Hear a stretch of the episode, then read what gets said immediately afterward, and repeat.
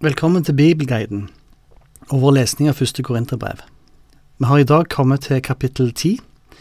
I dette kapittelet oppsummerer Paulus sin veiledning i forhold til konflikter og stridigheter i menigheten i Korint. Når Paulus vil oppsummere kampen i det kristne livet og i menighetslivet, bruker han historien om israelsfolkets vandring i ørkenen som en illustrasjon for oss. Jeg vil at dere skal vite dette, søsken. Våre fedre i ørkenen var alle under skyen, og alle gikk de gjennom havet. Alle ble døpt til Moses i skyen og i havet, og alle spiste de den samme åndelige mat og drakk den samme åndelige drikk. For de drakk av den åndelige klippe som fulgte dem, og denne klippen var Kristus.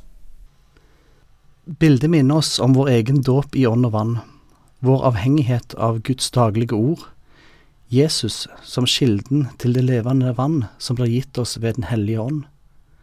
Sånn setter Paulus et likhetstegn mellom israelsfolket og menigheten. Men med denne illustrasjonen kommer òg noen advarsler. Likevel forkastet Gud de fleste av dem, for de ble slått ned der i ørkenen. Disse hendelsene er advarende eksempler for oss. De skal lære oss ikke å ha lyst til det onde slik de hadde. Bli ikke avgudsdyrkere slik som noen av dem. For det står skrevet, folket satte seg ned for å spise og drikke, og så sto de opp for å danse. La oss heller ikke drive hor, slik som noen av dem gjorde, så 23 000 mennesker falt på én dag. La oss heller ikke sette Kristus på prøve, slik noen av dem gjorde, de som ble drept av slangene. Og la oss ikke være misfornøyde og murre, slik noen av dem gjorde, de som ble drept av ødeleggeren. Det som hendte med dem, skulle være til advarsel. Det ble skrevet til rettledning for oss, og til oss er de siste tider kommet. Derfor må den som tror han står, passe seg så han ikke faller.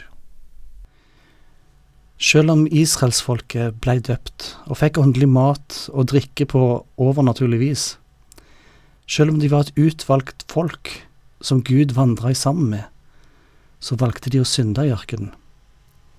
Vi får nesten ei liste over syndene og når det skjedde, så straffa Gud de. Derfor bør vi la oss bli advart av hva som skjedde med israelsfolket. De benytta sin frihet fra det egyptiske slaveriet til å følge sin egen lyst og vilje. Men de var ikke frie til å handle som de ville, fordi de var Guds folk. På samme måte er ikke vi moralsk frie fordi vi er frelst. Med frihet kan en fristes til å nyte nuet og velstanden. En kan lett glemme Gud og heller satse på å leve for seg sjøl. Selv. Selvet, eller egoet, er kanskje den største avguden vi kjenner til. Og når vi dyrker denne avguden, så vet en bedre enn Gud sjøl, og setter seg kanskje over Guds eget ord. Men Gud er en nidkjær Gud. Han deler ikke si truende, heller ikke med vårt eget ego. Israelsfolket prøvde Guds nidkjærhet. De anklager Gud med sin misnøye. Gud tukta folket og minna dem om sin vedvarende omsorg for dem. Guds gode ønske for deg og for oss er at vi underordner oss Hans vilje, allmakt og veiledning. Dette får vi gjennom Guds eget ord i Bibelen. Gjennom illustrasjonen om israelsfolkets vandring med Gud i ørkenen så ønsker Paulus å minne oss om vår egen vandring med Gud som menighet i vår tid. Pass på, vær våkne, vær bevisst hvordan du lever livet som kristen, er formaningen fra Paulus. Når vi går inn i denne kampen, så har Paulus òg lyst til å minne oss om noe annet. Dere har ikke møtt noen overmenneskelig fristelse. Og Gud er trofast, han vil ikke la dere bli fristet over evne. Nei, når dere blir fristet, vil Han vise en utvei, slik at dere kan holde ut. Fristelser og prøvelser er ikke for store til at vi, med Guds hjelp og med å lytte til Hans stemme, ikke kan stå imot og tåle de. Samtidig så kan vi vite at eh, han går med, og at vi kan finne styrke i ham. En styrke vi ikke finner i oss sjøl. Derfor, mine kjære, hold dere langt borte fra avgudsdyrkelsen. Jeg taler til dere som til forstandige mennesker. Bedøm selv det jeg sier. Paulus er sikker i sin sak, og han vet at Den hellige ånd med samvittigheten til lytterne vil bekrefte hans budskap. Han har tillit til at Den hellige ånd vil veilede tilhørerne til et liv i sannhet. Paulus forlater illustrasjonen med israelsfolket, og gir oss en ny illustrasjon når han vil oppsummere sin formaning om åndelig enhet som fellesskap i Kristus. Velsignelsens beger som vi velsigner, gir det ikke del i Kristi blod. Brødet som vi bryter, gir det ikke del i Kristi kropp. Fordi det er ett brød, er vi alle én kropp, for vi har alle del i det ene brød. Når vi deler vinen under nattværen, så får vi del i frelsen ved Kristi blod. Hans blod renser oss fra all synd. Dette blodet får vi i vinen som gjør at vi på en veldig konkret og fysisk måte får del i frelsen. På samme måte er det med brødet. Jesu legeme ble ødelagt og brutt ved at Jesus ble drept. Dette gjorde han for oss. Vi er del av det legemet som blir brutt og fortsatt blir knust i forfølgelse. Vi får del i dette legemet på en veldig konkret og fysisk måte i nattværen. På samme måte som Kristi legeme kun var ett, er brødet ett som blir brutt opp og delt mellom medlemmene av Kristi legeme. Derfor er vi til sammen Kristi legeme. Et fantastisk bilde på enheten som kristne i Kristus. Den som derfor spiser et offer, har del i offeret. Dette fører oss inn igjen på temaet om offerkjøtt. Se på Israels folk. Har ikke de som spiser av offeret, del i det som skjer på alteret? Sier jeg med dette at avgudsoffer betyr noe, eller at en avgud virkelig er noe? Nei, slike offer blir ofret til onde ånder og ikke til Gud. Og jeg vil ikke at dere skal ha fellesskap med de onde åndene. Dere kan ikke drikke både Herrens beger og onde ånders beger. Dere kan ikke delta både ved Herrens bord og ved onde ånders bord. Eller våger vi å utfordre Herren til harme? Er vi sterkere enn Han? Paulus har jo i kapittel åtte snakka en del om offerkjøtt. Vi skal ikke gjenta det. Men som vi husker, så sa jo Paulus der at det var rett at det ikke fins andre guder, og at avgudene derfor var falske. Men her gir Paulus oss ny innsikt.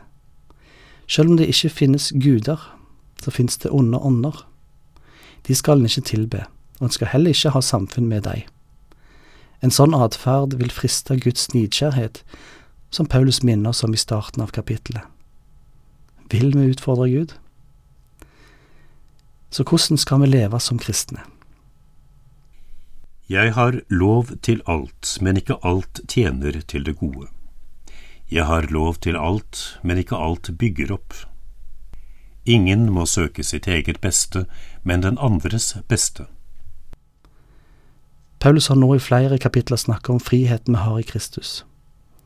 Han minner om at vi må leve etter et prinsipp om at det ikke er våre rettigheter eller oss sjøl som er det viktige. Det viktigste er det som kan tjene min neste. Han har hele tida forholdt seg til spørsmålet som han har fått angående offerskjøtt. Og på slutten av svaret sitt, som har blitt et stort tema om rett, frihet og ansvar, så kommer han med veldig konkret og spesifikk veiledning. Alt kjøtt som selges på torget, kan dere spise med god samvittighet og uten å spørre hva det er. For jorden og det som fyller den, hører Herren til. Hvis en ikke-troende inviterer dere og dere sier ja til å komme, så spis også da med god samvittighet alt som ble satt fram uten spørsmål.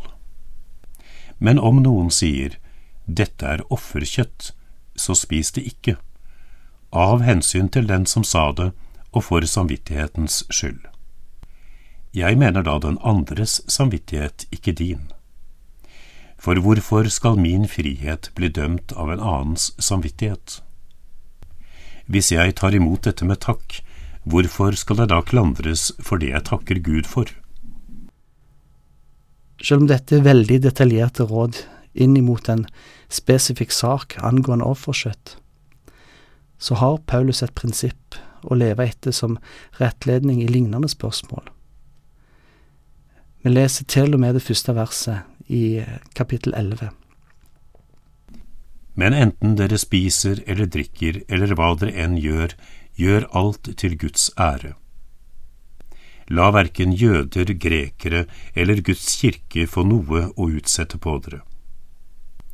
Selv prøver jeg på alle måter å komme alle i møte. Jeg søker ikke mitt eget beste, men alle de andres, så de kan bli frelst. Ha meg til forbilde slik jeg har Kristus til forbilde. Våre handlinger betyr noe. La de være til Guds ære. Unngå å legge hindringer i veien for noen i form av anstøt, verken for jøder eller grekere, eller for forsamlingen. Ikke vekk avsky. Ha meg som eksempel, sier Paulus. Han er opptatt av det som oppbygger, det som er best for andre. Han tenker ikke på hva han har lov til, og hva han kan gjøre. Han tenker på hva som vil bety mest for de han er sammen med. Ikke fordi han har lyst til å bli likt av deg nødvendigvis, men fordi hans største ønske er å forkynne et klart vitnesbyrd om Jesus, sånn at de kan bli frelst. Sånn var òg Jesu liv. La oss òg leve for andre, sånn som Jesus levde for deg. Vi stanser med denne oppfordringen i dag. I de neste kapitlene vil Paulus adressere temaer knytta til menighetslivet, når menigheten kommer sammen.